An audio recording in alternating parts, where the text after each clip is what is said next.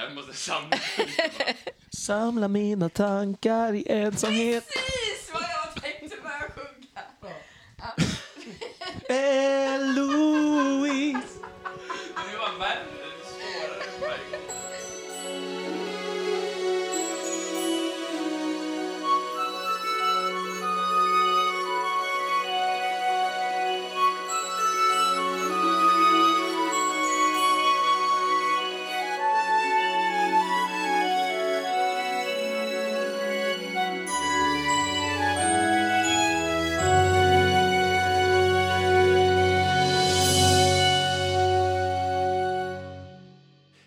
Och välkomna till det 22 avsnittet av Tolkienpodden. Nu är vi tillbaka efter en välförtjänt julledighet och ett specialavsnitt eh, inspelat i Nacka kyrka om Tolkien och kristendomen som vi hoppas att ni uppskattade senast. Nu har vi, återvänder vi till, Till studion. ja, till studion, det vill säga Daniels vardagsrum Precis. och spelar in ett avsnitt som den här gången ska handla om orkerna. Och då måste vi ju säga att det är väldigt mysigt att vara tillbaka här. Det är det verkligen. I studion. Ja, precis. Det är mysigare än de flesta studioinspelningar Mm. eh, kan jag tänka mig. Ja, vi kanske också ska konstatera att vi som sitter här i vardagsrummet är alltså Elisabeth. Daniel. Och Adam. Eh, innan vi går vidare till det stora temat så är det någonting vi ville ta upp här. Vad var det för någonting, Danne? Jo, det är ju så att den här filmen om Tolkiens liv som vi har pratat om ganska många gånger i här i podden och läckt nyheter från våra kanaler i, i filmindustrin. Eh, den ska äntligen ha premiär nu i maj, Ja. är det sagt. Så eh, det ser vi verkligen fram emot. ja, det ska bli jättespännande att se hur slutprodukten är. Ni Mm. får väl förvänta er ett, ett eh, avsnitt där vi tar upp den säkert i framtiden då. Absolut. Eh, och nu ska vi inleda med första stora här och det blir Adam som tar sig an månadens Arda-profil.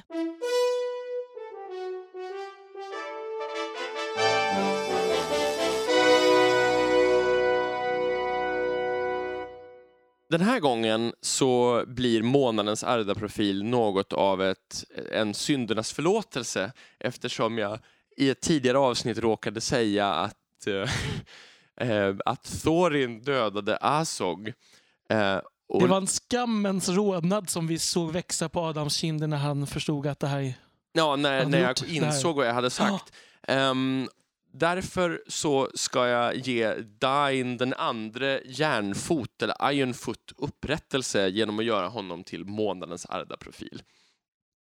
Och Dine Ironfoot är en karaktär som det kanske inte finns så jättemycket information om, men som, en, som är ganska viktig i kulisserna runt tiden för Ringens krig. Hans farfar Grår eh, grundar dvärgarnas rike i järnbergen, the Iron Hills, och hans far Nine stupar i strid med Azog i det här slaget vid Asal Nulbisar utanför Moria Eh, år 2799. Och precis efter att hans pappa har dött så går Dain in i eh, envig med Azog och dödar honom och tar sen över senare som kung över eh, The Iron Hills. Han kom ju sen in i handlingen nästa gång i The Hobbit när hans kusin Thorin eh, kallar på hjälp från sin, sin ett, så att säga, när han är innesluten i Erebor av alver och människor. Och Dain och hans armé marscherar för att hjälpa dem. Och först ser det ju då ut att bli ett slag mellan eh, alver och människor och dvärgar men i sista sekund dyker ju som bekant orkerna upp och kastar om slaget kan man säga. Och Thorin stupar ju i eh, det här slaget, eh, slag, The Battle of Five Armies och det gör att Dain är näst på tur att ärva eh, titeln som kung över hela Durins folk, alltså den här eh, dvärgätten som är i eh, centrum under stora delar av historien. Den, de dvärgar som vi möter mest i historierna, det är Dorins ett. Och Dain eh, fortsätter sen att regera i ensamma berget under lång tid. Eh, sen vid tiden för Ringens krig så kommer en armé också mot Dal och mot Ensamma berget. Och det slutar med att Bard, bågskyttens son Brand, nej, sonson Brand eh, är kung i Dal och Dain är fortfarande kung i Ensamma berget. Och de två stupar tillsammans i striderna mot de här eh, fiendearméerna. Eh, Dain stupar försvarandes Brands döda kropp utanför Dal.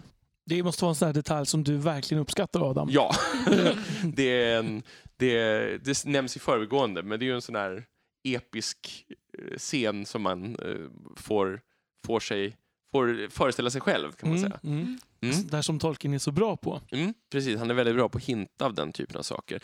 Och jag tänker att det, en sak som är intressant med Dian är det här att under tiden strax före Ringens krig så är hans kungadöme eller rike i, i Ensamma berget ett av de få som är så mäktiga så att Sauron faktiskt bryr sig om dem. Eh, Sauron skickar ju budbärare och försöka förhandla om fred med dem och försöka göra en, en pakt eh, och få, få, få reda på information om de vet någonting om ringen och så vidare. Erbjuder ring. Ja, han erbjuder att lämna tillbaka dvärgringar till dem, eh, de som finns kvar. Och, de, och det tyder ju ändå på att Sauron tar dem på allvar. Det är liksom en, en kraft att räkna med ändå. Och där är ju Glóin som berättar på Elrons rådslag. Precis. Det, Glóin är ju, blir ju utsänd från Dains hov. Det som är intressant också om man tittar på filmatiseringen, och det här har jag klagat på flera gånger, det är att Dain framställs ju som väldigt speciell i Hobbit-filmatiseringen. Han är liksom väldigt galen. Gandalf säger någonting om att Thorin är, is the more reasonable of the two när Thorin precis har varit helt galen i filmen.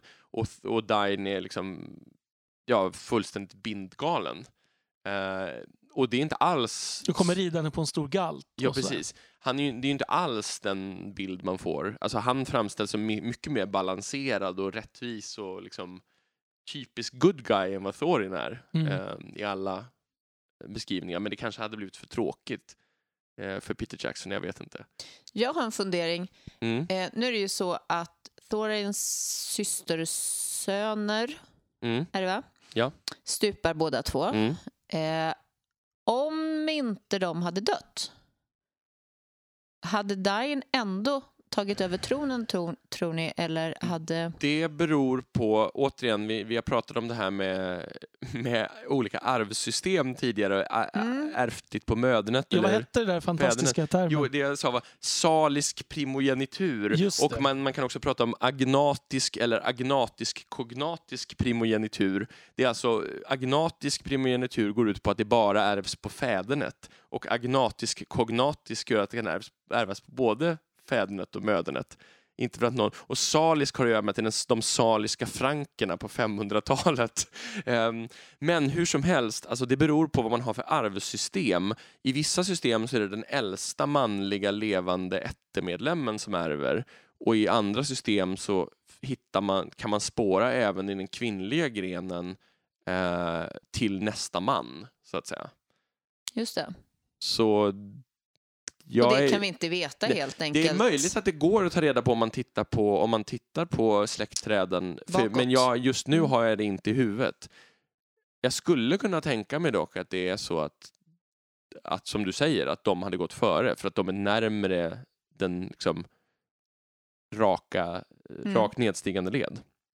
Deras mamma heter ju Dis och är den enda namngivna dvärgkvinnan i hela Tolkiens skrivande.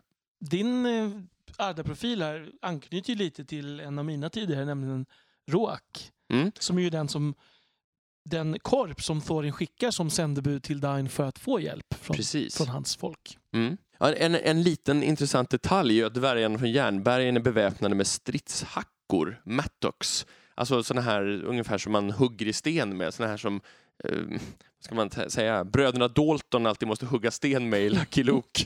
Sådär, den Bra typen bild. av... Ja. Ja, men ni, ni vet vad jag Ja. menar. Den Ja. typen Eller av... sånt som, eh, ja, man kan se dvärgarna i Snövit Ja, precis, hacka i bergen. precis. Mm. Så att, och, och det är en sån här detalj som har fastnat i mitt... Den är helt Minne. rimlig för jag tänker att den det är ju en dvärgaspekt ändå det här med att hugga i sten. Det lät... men, alltså, men rent bokstavligt talat, alltså, de är ju stenhuggare. Mm. Och det känns ju som en, ett verktyg Ett bekvämt eh, vapen för dem att Ja. hantera. Precis. Ehm, och så kanske att de, jag tänker också, de kommer medvetna om att här är några fränder som har stängt in sig i ett berg. Vi kanske Mm. ska ta oss in på effektivt sätt utan att... Mm. Just det. Mm. Ja, de vet ju säkert inte exakt hur situationen har hunnit utvecklas Mm. i tiden emellan heller.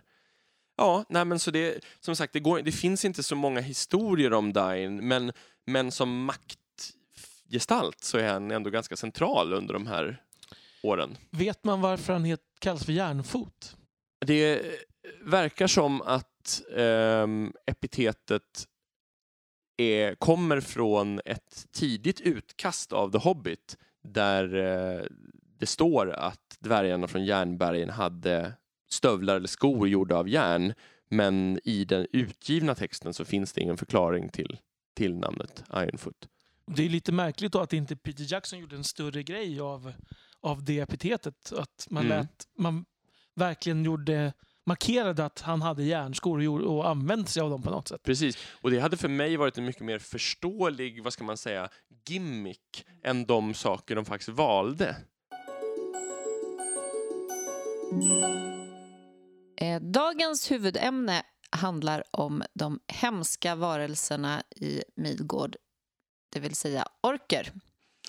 Eh, och eh, om man börjar titta på det här med orker så kanske man ska gå tillbaka hur de kom till. Och eh, om jag spontant tänker tillbaka på vad jag har stött på när jag har läst och sådär så har jag för mig att det är någon förvriden version av alver.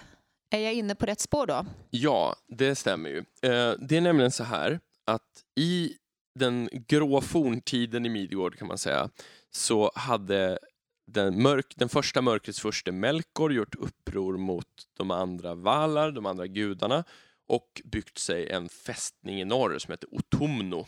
In, det här är innan alverna trädde fram. Sen vaknar alverna vid en eh, stor insjö som heter Kuivienen och det finns ett par väldigt suggestiva eh, rader eller någon halv sida om alvernas upplevelse av va- vaknandet.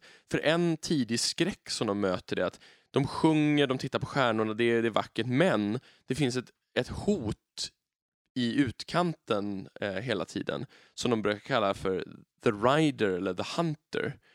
Och det är med största sannolikhet Morgoth som kidnappar alver som råkar eh, ta sig för långt bort från de andra. Och det finns någon spekulation jag läst någonstans om att han tar den här gestalten Morgoth som den här ryttaren för att göra alverna räddhågsna mot Orome om han skulle dyka upp. För han är ju en ryttargestalt. Just det, Och smart. det är en annan av Valar som... Ja, det är en annan vallar Mm. för, som dessutom reser runt mycket i Midgård och det, så det är stor risk, att, för, risk för Morgoth att han ska träffa alven och det är ju precis det som händer. Men han lyckas ju övertyga dem om att han är god. Men, men Morgoth i den här gestalten rövar då med sig alver.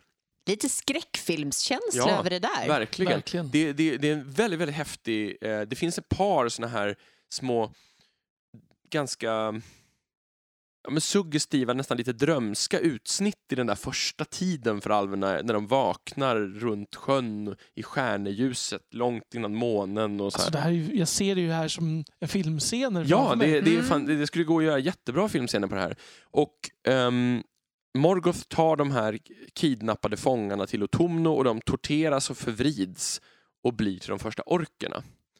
Och orkerna förökar sig sen på vanligt sätt. Det finns både manliga och kvinnliga orker. Och eh, det här sker alltså innan människorna har trätt fram.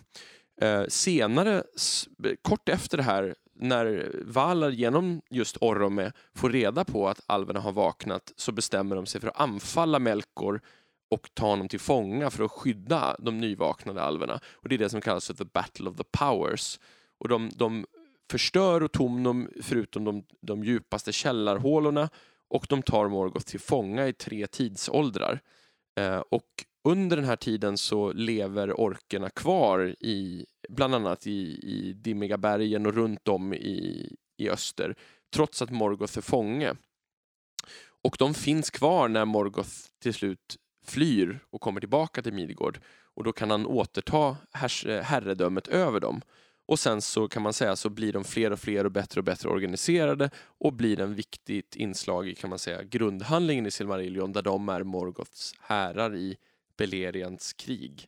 De stora slag som han flera gånger utkämpar mot alvhärskarna. Så de som eh, har sett filmerna och ser alver som skapas i jorden och Ja, orker menar du? Eller förlåt, orker som eh, dyker upp från jorden där och eh, hamnar i någon... eh, någon ser lite ut som att, att man har någon bubbla, någon hinna eller något som man ska... En konstig kokong, ja. Ja, de föder äggkokonger i jorden. Ja.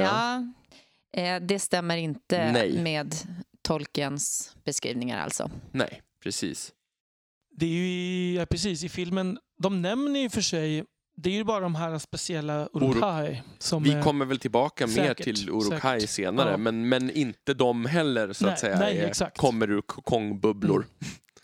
Ehm, och de här orkerna de dyker väl upp väldigt tidigt i Tolkiens skrivande. De är väl med egentligen från, från de första texterna han skriver om den här världen. Ja, de finns, de finns i hans eh, historier innan 1920.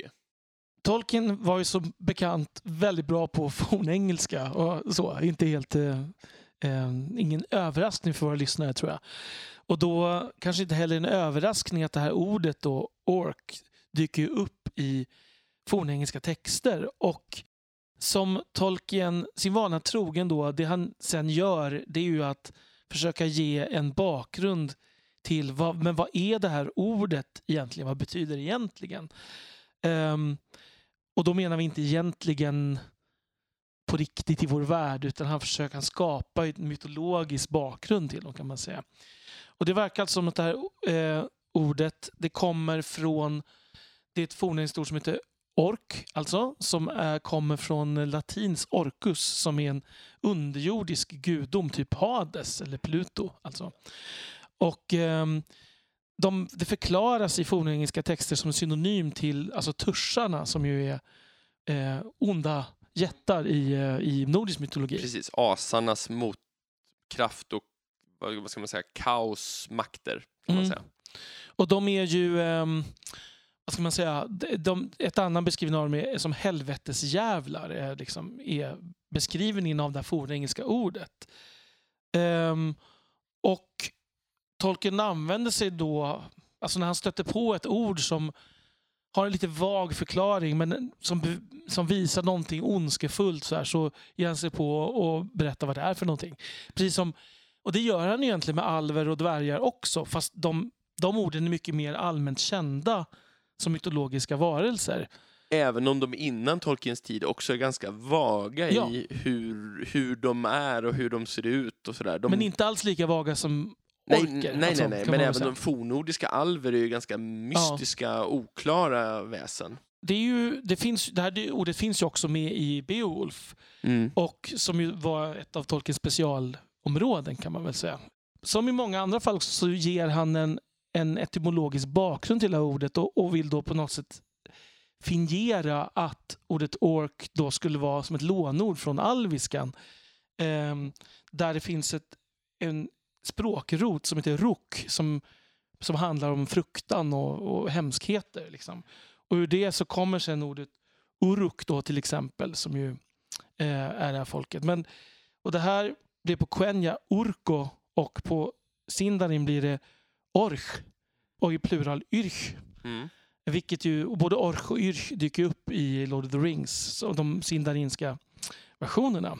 Men då har då, får man tänka att människor har sedan lånat det här ordet och det har blivit ork då på. Eh, så antagligen bör det heta något liknande på genuina väströnan som Precis. för att det här ska fungera, den här, Ja. den här modellen. Eh, så att Ja, säga. det är ganska komplicerat det här. Alltså, Ja. väldigt många fingerade ordlån fram och tillbaka. Precis. Men oavsett så är, jag slås ju alltid av det här att Tolkiens, Tolkien när han sätter på ett ord som han tycker är lite intressant, då så måste han ge dem en hel mytologisk bakgrund. Ja. Det, det är ju liksom det är ju lite smått sinnessjukt på ett väldigt trevligt sätt. ja, han spårar ju ur Ja. när han f- För får det, men det är som sagt, det gäller ju, det gäller ju även enter och det, det är så mycket som liksom kommer från det, det här fornengelska. Jag kan ju tycka att det känns...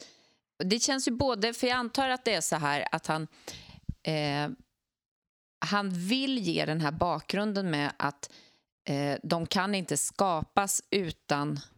Fr, från ingenstans. Alltså måste de komma från något som är skapat av guden i, Mm. eh, bakåt i tiden. Liksom. Eh, men att något som beskrivs och har den bakgrunden som han hittar. Vad, var vad sa du? Eh, Små... Helvetesjävlar. Helvetesjävlar var det, ja. Mm. Precis. Mm. Vi får Eh, blippa det här avsnittet. Massa svärord här. Helvetesjävlar! Ja, precis. Ja. Helvetesjävlar eh, är alltså förvridna alver. Ja, det, det får man ju säga. Eh, och det känns ju som, som att man har... eh, För alver beskrivs ju som något väldigt ändå ursprungligen väldigt gott och väldigt vackert Och rent. eh, vent och, och allt positivt som man kan tänka sig. Och Mm. sen hur det kan... Han låter det förvridas så maximalt eh, av ondska Mm. Mm. eh, och bli till någonting som är extremt destruktivt. Ja, det är liksom fascinerande. den, den mörka spegelbilden, får man väl nästan Och säga. man kan ju tänka att det där knyter an till det vi har pratat om i en del tidigare avsnitt med Tolkiens syn på ondska, det här att ondskan inte skapar utan bara förvrider. Mm. Mm. Alltså att orkerna är förvridna alver, eh, trollen är förvridna enter och så vidare. Liksom för Mm. att ondskan klarar inte av att skapa från grunden, den kan Nej, bara men förstöra. precis. Mm. Den kan inte skapa någonting. Men man bortser från den här etymologiska vad ska man säga, bakgrunden som ger en viss... Det, det ger ju en känsla av historiskt djup ändå, att det finns någonting vagt bekant i Mm. det. Men, men bortsett från det så är ju själva skapelsen orkerna väldigt tydliga Tolkienska får man säga. Ja. Mm. Ehm, och har ju blivit extremt epokgörande, vilket vi kan Ja. kanske komma in på lite senare. Men det, det är ju verkligen, för att vara helt nytt, så har det ju gett enormt avtryck i fantasygenren. en, bara en språklig detalj till. Det är ju så att ork på engelska också kan betyda typ späckhuggare. Ja. Och Orka. Tolkien var, Mm. ja, Tolkien var noga med att det här ehm, att in, troligen inte var samma etymologiska rot. Mm. Jätteroligt också att han säger troligen. Jo, men jag menar, fast, Sannolikt så är det inte det. fast, fast i verkligheten. Ja, okej. Ja. Annars så, så skulle det ju kunna vara att Ja, han det- faktiskt menar att ja, men jag är inte riktigt Det, säker. det skulle men... han kunna ha gjort också. Absolut. Ja, jo, verkligen.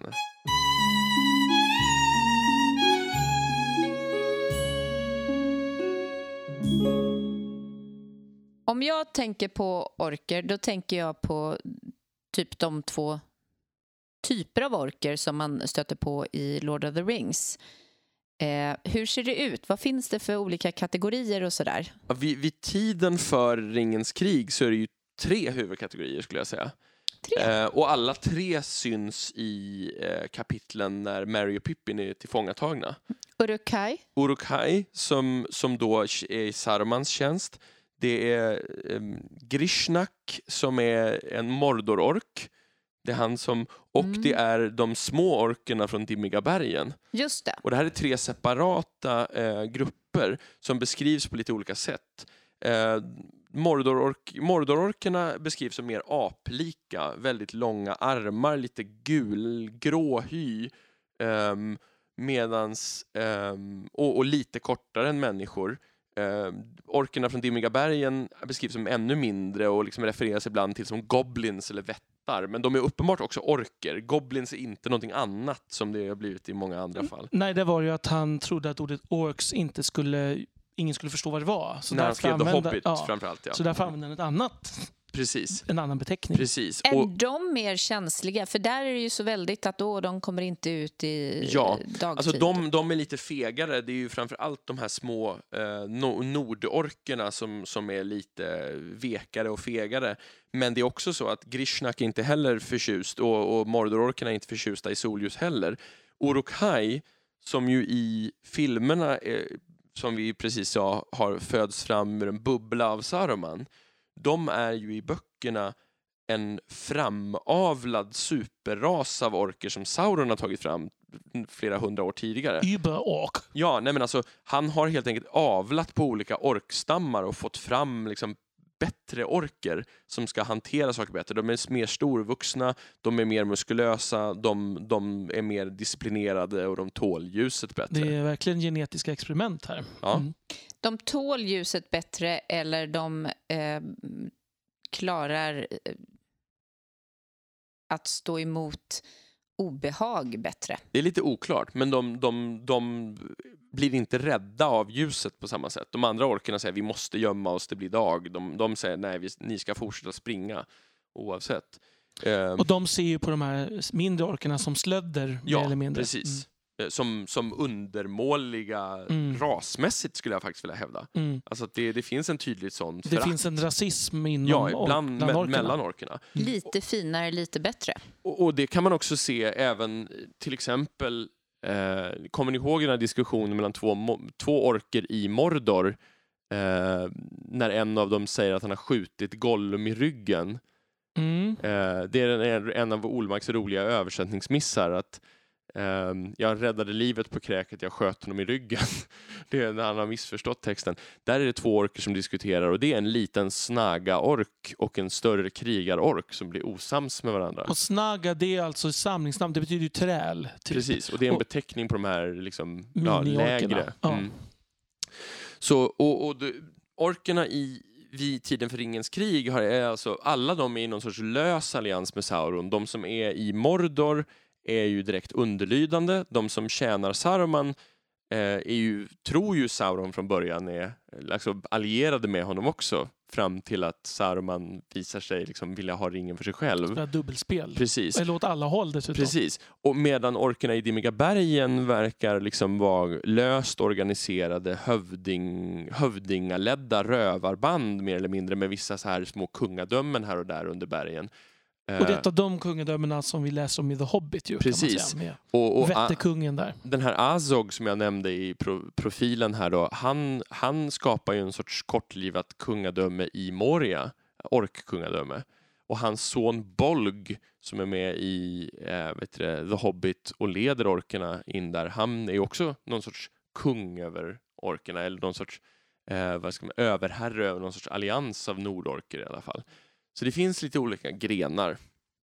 Men de är mer egentligen, för, för någonstans ibland tänker man att de bara är någon sån här eh, suddig massa av ondska. Mm. Men det är ett samhälle, det är liksom samhällen med Ja. struktur, organisation och Och Tolkien skriver också i, i History of Middle Earth att det finns orkiska kvinnor om någon liksom undrade kring det. Och att det, det han bara av misstag råkar aldrig nämna någon.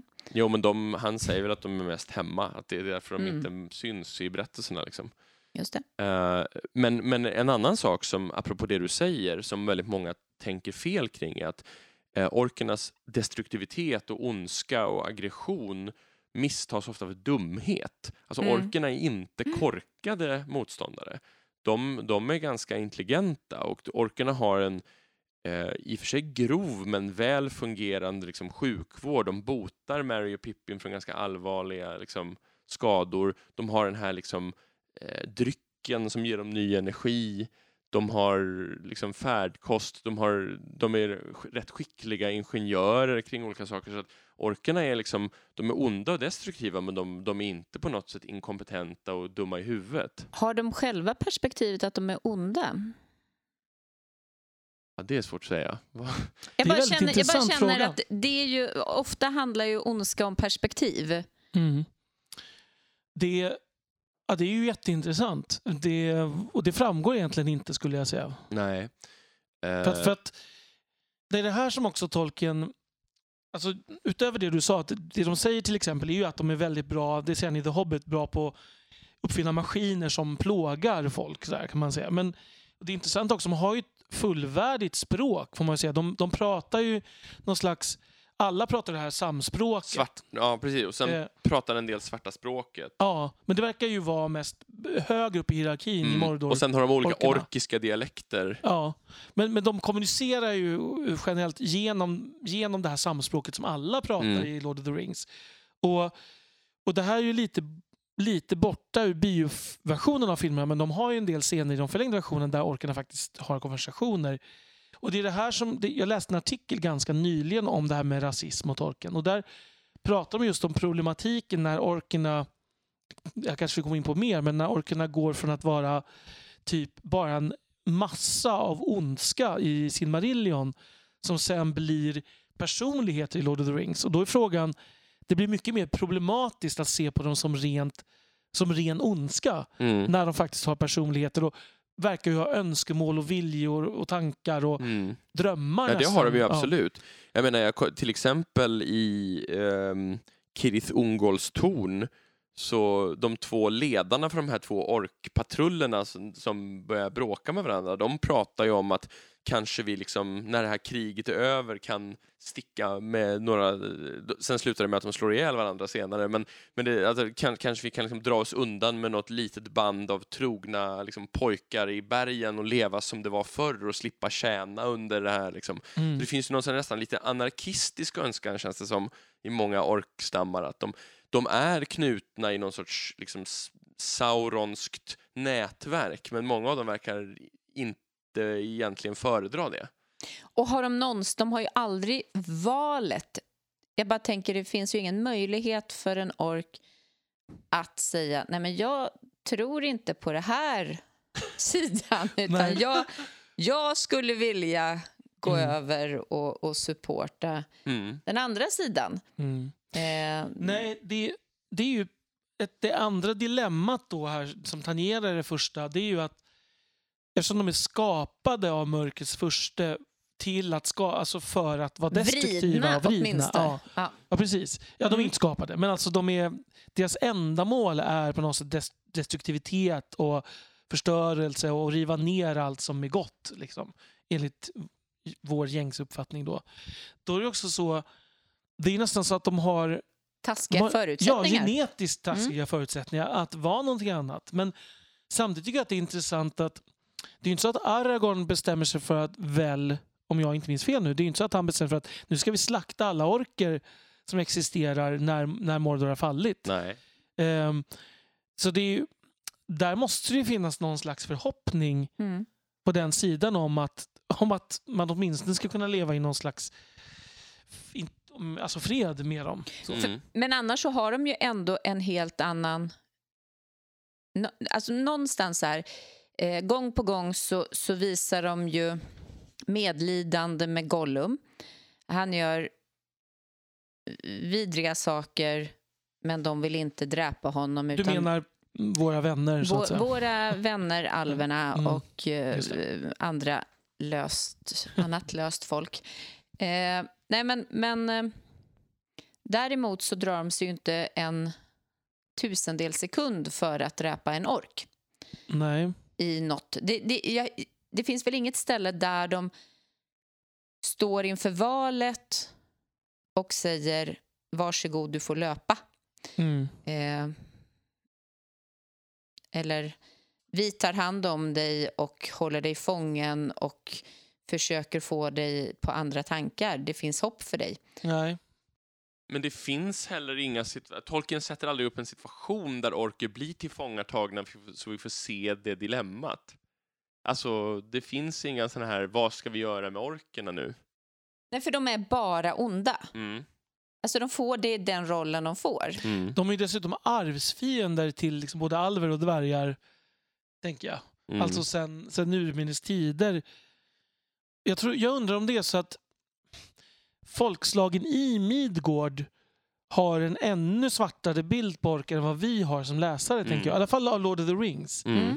Ehm, att de får heller aldrig se de här samhällena. Alltså det, är väl, Mm. det är aldrig någon som åker på studiebesök liksom, i Svarta Tornets liksom orkermiljö. Och... Det, det här på, börjar påminna mig lite, för några år sedan så gjordes det en så här satir, eh, en satir eh, kortfilm som hette Fellowship 9-11 som skojade med Michael Moores Fahrenheit 9-11. Och då fick man se eh, bilder på orkiska eh, mammor med barnvagnar Ja. och så sa Michael Moore då att så här, det är bara för att dvärgarna vill bygga en pipeline genom Mordor som hela det här liksom... Det är bara propaganda. Ja, det är bara propaganda alltihopa. Nu. Men det påminner ju väldigt mycket om demoniseringen av, eh, jag tänker framförallt så här, japaner under andra världskriget nästan. Mm. Alltså Ja. i amerikansk propaganda. Det Sen kan man också prata om hela den här bilden av liksom östern i europeisk lång, lång historia. Mm, det här alla de här nomadstammarna som har dykt upp österifrån i mm. olika vågor så, och gjort- gett så ett avtryck att till exempel när magyarerna kom på 900-talet, det vill säga ungrarna, eh, så kallades de för ungrare just för att alla trodde det var hunnerna som kom tillbaka från en tidigare sån här våg. Så de, på, de kallar ju sig själva magyar, men det heter Ungern, Hungarn, Hungary, alltså på alla andra språk. För man frågade inte dem vilka de var, man Mm. bara tog för givet att det Mm. var nästa våg av de här Mm. läskiga typerna. Så att jag tänker att det blir ju ändå det här med vågorna från öster, från Mordor. Det, det känns som att det finns en, ett bollplank från den här europeiska skräcken för östern. Ja, och det, jag tänker också att vi har ju pratat om det här med tolken och rasism och så. Det, och ett av hans mindre trevliga utlåtanden så säger han, svarar han ju på hur orker ser ut, att de ser ut som de för I våra ögon säger han i och för sig, han lägger in den brasklappen, men mindre trevliga mongoltyperna. Mm. To European eyes, tror jag Mm, han säger. ja. Mm. Alltså jag, jag bara tänker, jag får sån här fundering. Ja, men Galadriel, om hon inser att jo, men den där, eh, vad blir det nu? Blir det morfar eller farfar eller... Alltså, Galadriels mm, pappa är ju Finarfin. Och Finarfins pappa är Finwë och sen finns det inga fler generationer. Ja, precis. Så farfar. Mm. Farfar Fa- Finnwe. Farfars eh, polare eller farfars brorsa eller någonting som försvann Ja, från början är orkernas är ur. orkernas eh, urfader. Fader. fader. Mm, Alltså den reflektionen. mm. Ja, det är en intressant filosofisk diskussion Men faktiskt. vet alverna om det här? Ja, det är oklart. Mm. Och vad skulle hända om de visste? Ja. Ja, ja, ja, det är möjligt att det står någonstans huruvida de verkar veta det här eller inte. Men, men alverna möter ju orkerna bara ut ur Otomno de första gångerna så att de kanske tar för givet att de är skapade av Morgoth Mm. bara, ur inget. Och att de inte drar den slutsatsen att det är de som har försvunnit som har blivit de här. Eh, sen så finns det också en diskussion huruvida, och det det här är möjligt att det finns något i History of Middle Earth som vi kan kolla upp senare, men här, huruvida orker lever för evigt eller inte. De verkar åtminstone ha mycket längre livsspann än människor.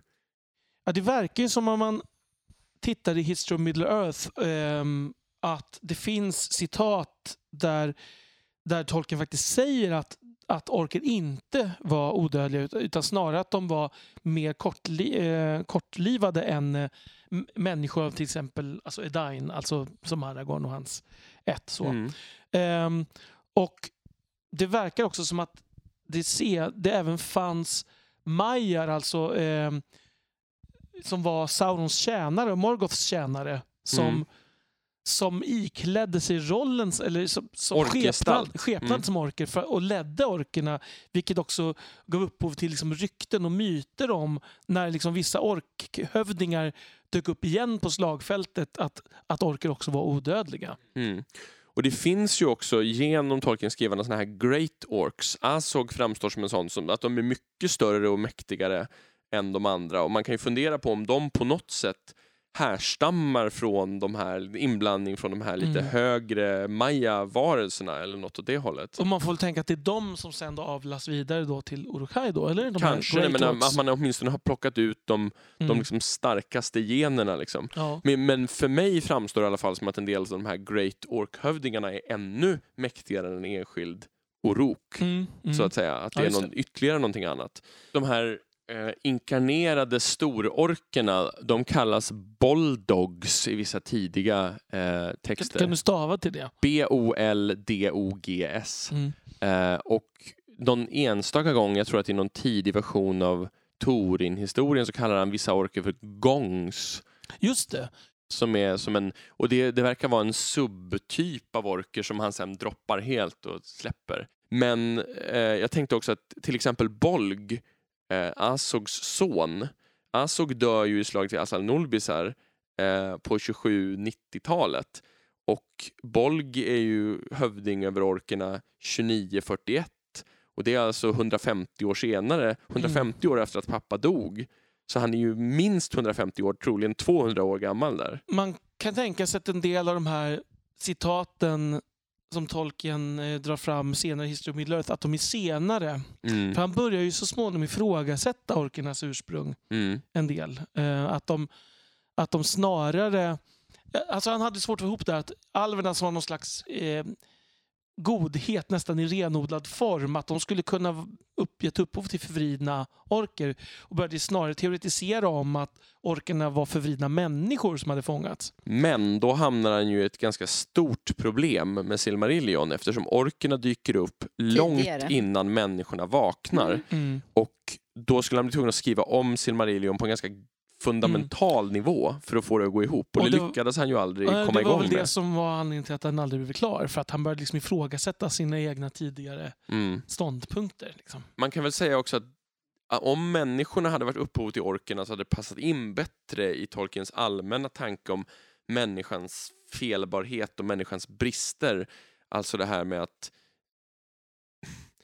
människan kan ge upphov till ondska utan, utan att det är jättesvårt. Att det finns i deras Att natur. det finns någonstans att plocka fram Mm. ur dem. Ja.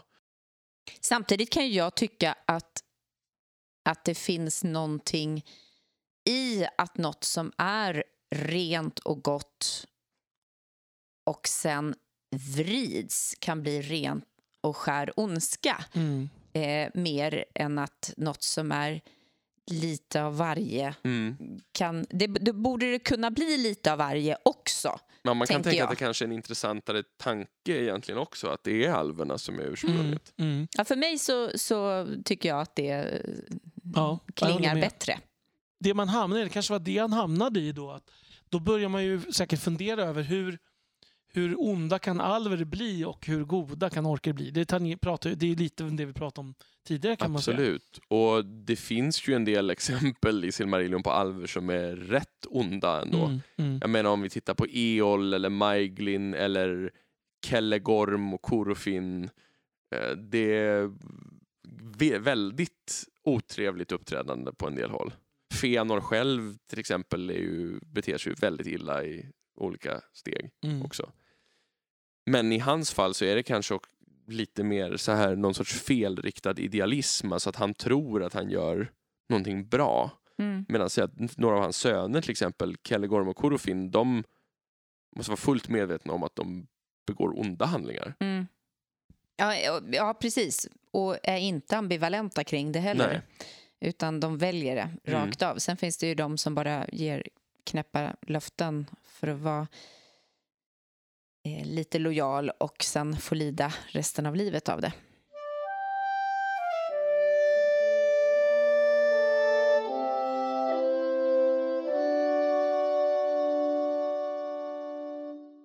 Det finns ju också uppenbart halvorker i eh, Tolkiens skrivande. Och det här är viktigt att komma ihåg på. Det är många som förväxlar det här med Uruk-hai. För de diskuteras lite i samma sammanhang. Det, det, Orokai är inte på något sätt halvorker. De har ingen människa, människoblod i sig.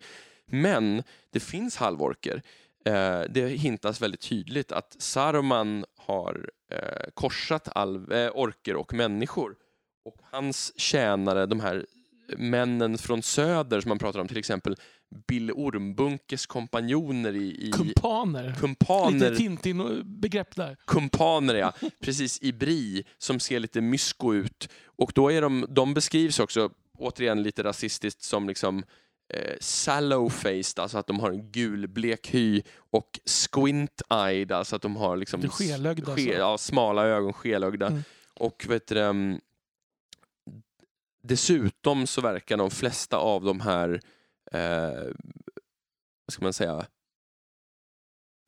gatugängen som har tagit över Fylke, The Chiefs Men på slutet, är troligen också halvorker. Och de verkar ju fortfarande vara onda, i alla fall vi möter dem. Genuint onda, men kanske lite fegare och lite mer men Alltså- lite mer beräknande Ja, mer sätt. beräknande, mindre kaotiska. Så. Mm, mm. Men de verkar fortfarande ha svårt att...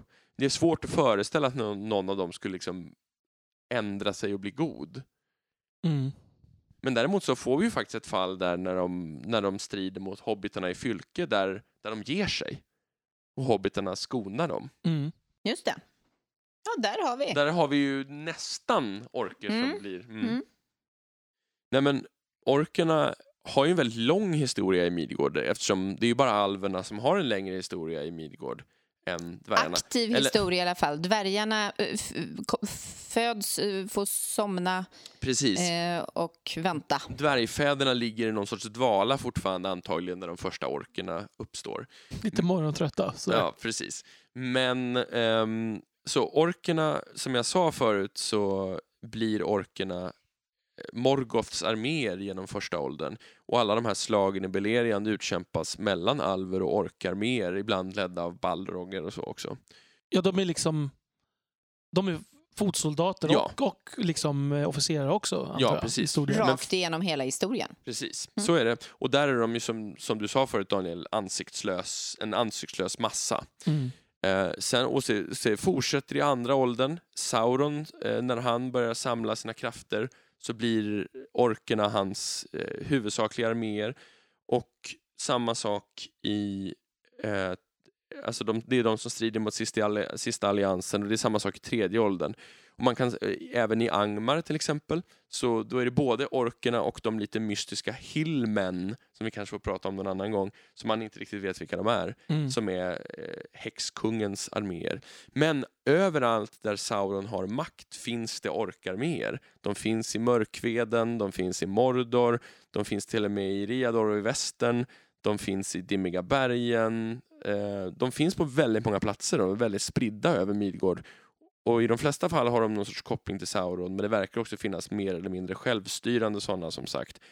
Gundabad till exempel, verkar nämns som huvudstaden för eh, Dimmiga bergen-orkerna. Och det är till och med orker som anfaller Fylke eh, när Golfimbol dräps av eh, Bandobrastuk. Ja. Och ger upphov till golf. Ja, precis. Mm.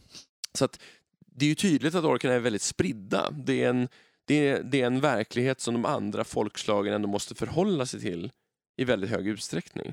De är inte bara på en plats. Men får man intrycket av att... Men jag tänker så här, under, under den långa period då, då Sauron är borta från, från världen, så Mm. att säga. Vad gör orkerna då? Alltså är de, är de liksom generellt typ rövarband och plundrare och så här? För, Nej, men det verkar som att de är väldigt decentraliserade Mm. och lever i olika mindre riken i Bidar bergen. sin och, tid. Till exempel, ja. mm. Och framför allt i dimmiga, dimmiga bergen. Det tror jag är, alltså det är runt 1300 eller 1300 i tredje åldern som de börjar föröka sig snabbare igen, om jag minns rätt. Eh, att de ökar snabbt. Men, och de blir fler och färre vid olika tillfällen. Eh, men att orken överhuvudtaget överlever första åldern beror på att en del av dem har spritts österut in i Dimmiga bergen till exempel, alltså ut ur Beleriand. Är det inte en av anledningarna till att eh, kriget om ringen går som det går just att Femmaradslaget minskar ner antalet Jo, orker i, i eh, extremt hög grad? det är lugnt väldigt länge för att väldigt, väldigt många av dem dör. Mm. Och det ju, men det sker ju som sagt, eh, som vi nämnde, när jag, jag nämnde när jag pratade om Dain, det sker ju en attack. Det sker ju attacker på många andra ställen samtidigt som eh, Minas Tirith anfalls. Ja. Till exempel en mot, mot Lothlorien, en mot Mörkveden, eh, en mot, eh, ja, mot Dal och Erebor Och där är det, det är huvudsakligen orker. Jag tror att det finns öst, människor från östern med i den attacken också. Men det sker alltså attacker på ett gäng ställen eh, på en gång. Men den största och mest centrala är den mot Minas Tirith och de här, många av de här arméerna börjar retirera när de hör att det har gått åt skogen. Just det. De är på ett vis samplanerade och synkroniserade. Ja, de är ju Ehm. i krigstid är de det. Mm. För då har de en ledning. Det finns också, det är ju en väldigt påfallande grej när Sauron faller. Att det står att orkerna är som att de har tappat den röst som drev dem inombords. Så att de är helt vilse och sådär. Mm. Att efter när, när tornet faller så, så vet de inte vad de är eller vad de ska göra och de bara springer runt i panik och, och förvirring. Medan de människor som stred på ondskans sida ja, beter sig mycket mer rationellt. Att de antingen ger sig eller fortsätter strida. Peter Jackson har ju en väldigt lustig sån här när, där, eh, det, det är delvis taget ur boken men det är väldigt lustigt så här att liksom allt rasar och alla orker i princip faller ner Ja, i det. det rasande Mm. Mordor och ingenting annat. Det blir som en så här perfekt linje runt västerns arméer.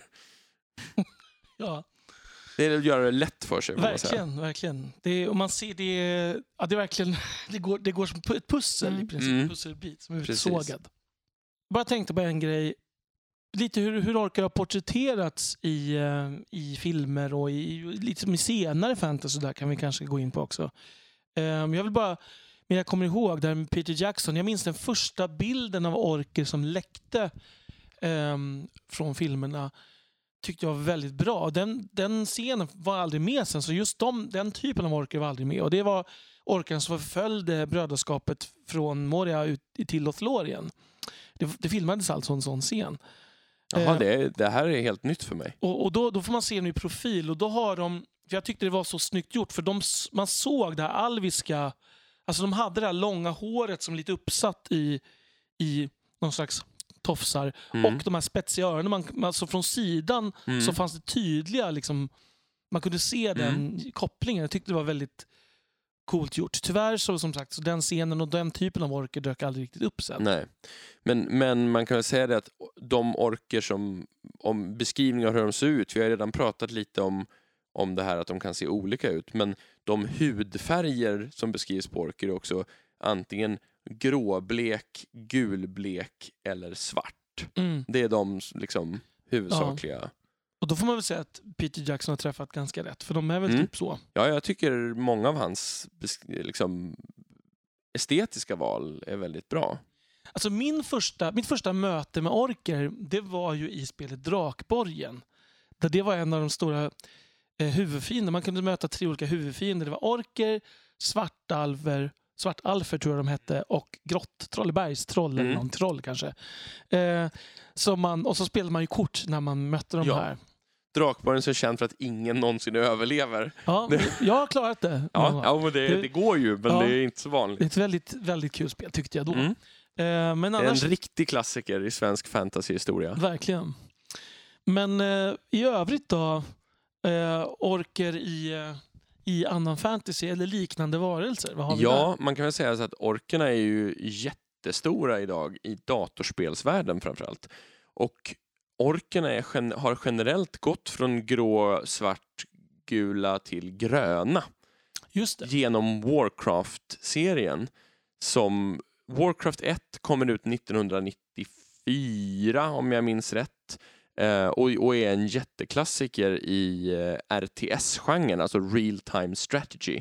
Man bygger en stad och försöker besegra sin fiende genom att man producerar trupper. Och det är ett krig i en, i en annan fantasyvärld då, mellan människor och orker. Och senare har ju den här Warcraft-världen byggts på i senare spel och World of Warcraft med massor med andra folkslag, alver och dvärgar och all, allt vad det är. Um, och men de gör ju orkerna, de är ju ganska annorlunda från Tolkiens orker. De är större, och mer muskulösa och längre än människor. Lite Eh, mer trollliknande. Ja, det är de. De är inte riktigt så stora. Nej. Men, men, och trollen där är ju å andra sidan inte stora. De är mindre och mer så här eh, nästan lite alviska. De, Ja. de kastar yxor och är smala och slender så att säga. Oj. Så det är en helt annan tolkning av troll. Men, men där är orkerna så, i bakgrundshistorien att de kommer från en annan värld. De kommer från en döende värld genom en portal och måste liksom besegra människorna för att fly undan sin En undergång. otroligt otolkiensk förklaringsmodell. Ja, det är det verkligen. Men vad ska jag säga, och det har, det, Tolkien och Warcraft har tillsammans, tror jag, format många senare spels bild av orker. För Warcraft hade väldigt stort inflytande på den estetiska utformningen av orker för många. Det kanske var, när de, jag börjar se framför mig nu att de här gröna orkarna, det är när de korsbefruktas med träsktroll, typ Shrek. ja. Spelas de här fortfarande i hög grad? In, det... inte, självklart inte de första spelen Nej, som nej, kom men... ut på 90-talet, men World of Warcraft som, som ju kom senare, det är ju ett av de mest framgångsrika spelen genom alla tider. Ja. Och det är ju fortfarande aktivt. Är, är Det det det? För Ja, det- det min ett- erfarenhet är att ett antal år tillbaka så pratade ens elever alltid om Mm. att de spelade det. Nu så Ja, jag tror not so much. Jag tror inte att det är den ålderskategorin som spelar, men det är det fortfarande, det är fortfarande många tusen spelare. Många, många tusentals spelare hela tiden, det tror jag. Det är ett sånt här spel som har levt vidare. Eh, Ja.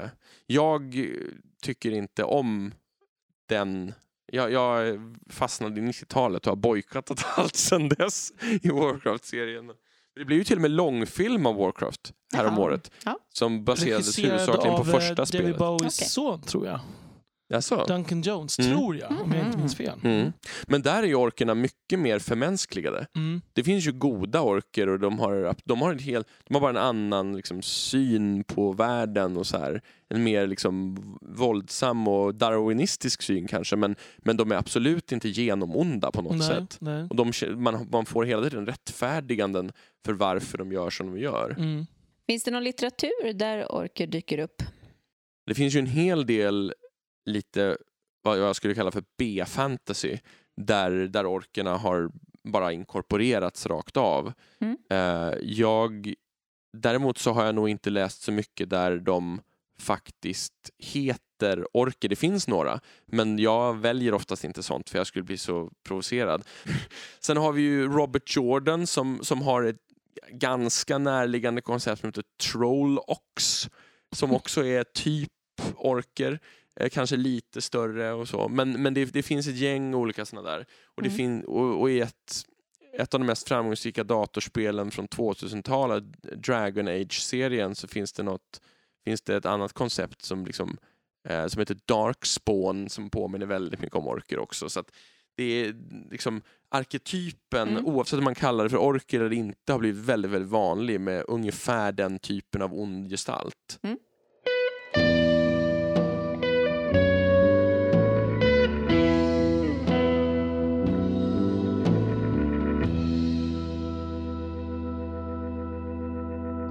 Ni har ju hört oss nu sitta här och prata om orker eh, ganska länge. Och några av er sitter säkert och tänker, men vad tusan, vadå orker? Det heter väl orcher? Eller orcher kanske? Ehm, och här har vi ju då um, något vi kanske behöver ta, nämligen att hur det har översatts i de svenska översättningarna. Mm. Ehm, och där var ju Åke Olmarks, han eh, valde ju då att vad ska man säga, exotifiera ordet kan man väl nästan säga. Genom att få det att låta lite mer obehagligt tror jag var hans tanke. Genom att sätta in där CH.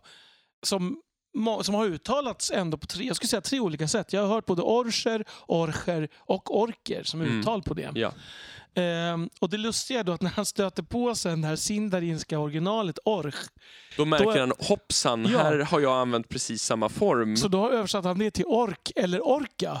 Vilket är intressant då. Så han ändrade det alviska ursprungsordet. Det hade ju annars, han hade ju kunnat behålla det då och säga att det var direktlån. Ja, Eh, Det var rimligt någonstans. Rimligare?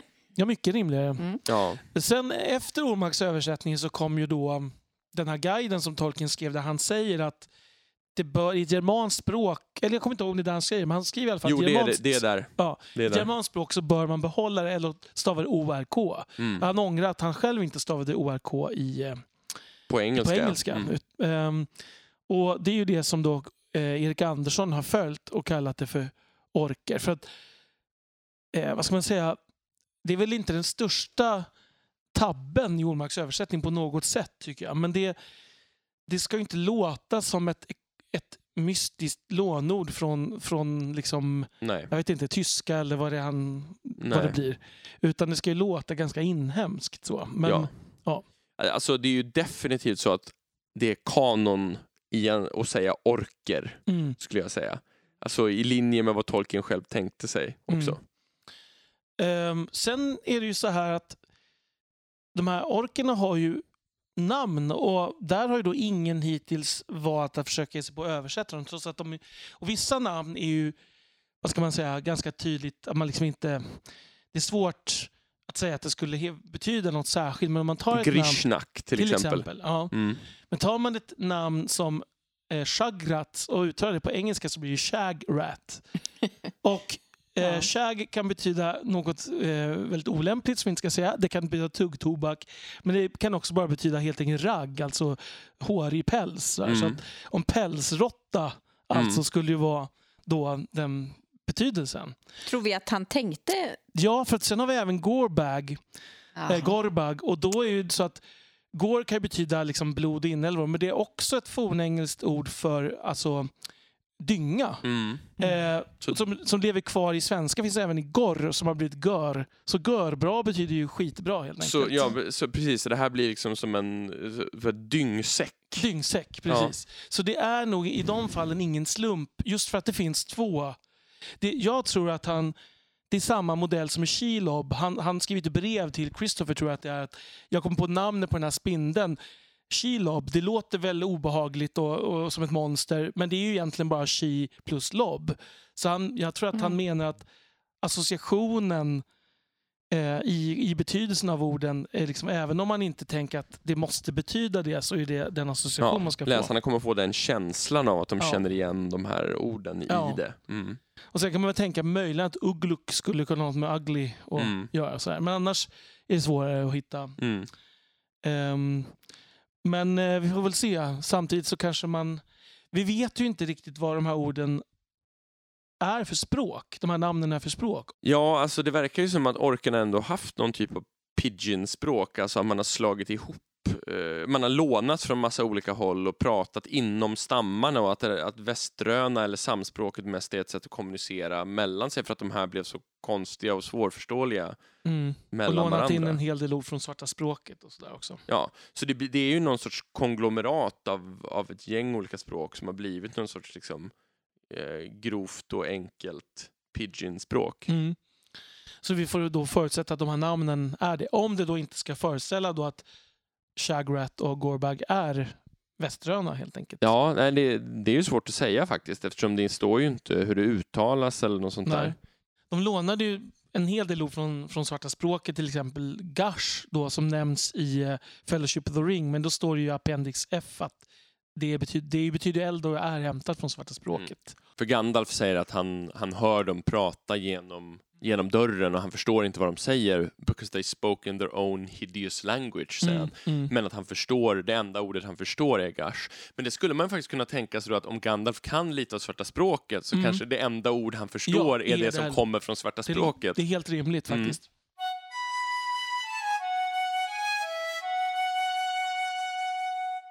Även om Tolkien kom på orkerna själv så måste han ju varit inspirerad av någonting och det är ju också någonting som vi kanske skulle kunna diskutera lite innan vi avslutar här. Att jag tänker att orkerna blir ett passande, för det behövs i historien, behövs det fiendens fotfolk. Mm. Och eftersom Tolkien jobbar så mycket med svart och vitt så, så vill han inte ha andra människor som fyller den rollen.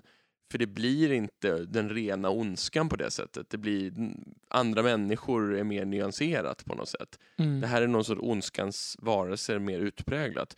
Och jag tänker att det, orkarna är ju ändå lite inspirerade av sagoväsen som, i, som redan finns i, den, i, i form av kanske oknytt av olika Alltså, slag mm. och troll Ja, och den här typen av troll, som alltså goblins-troll, Ja, mer åt det hållet. också, precis, jag. eh, vättar, alltså, Ja. och den typen som finns i olika folktro.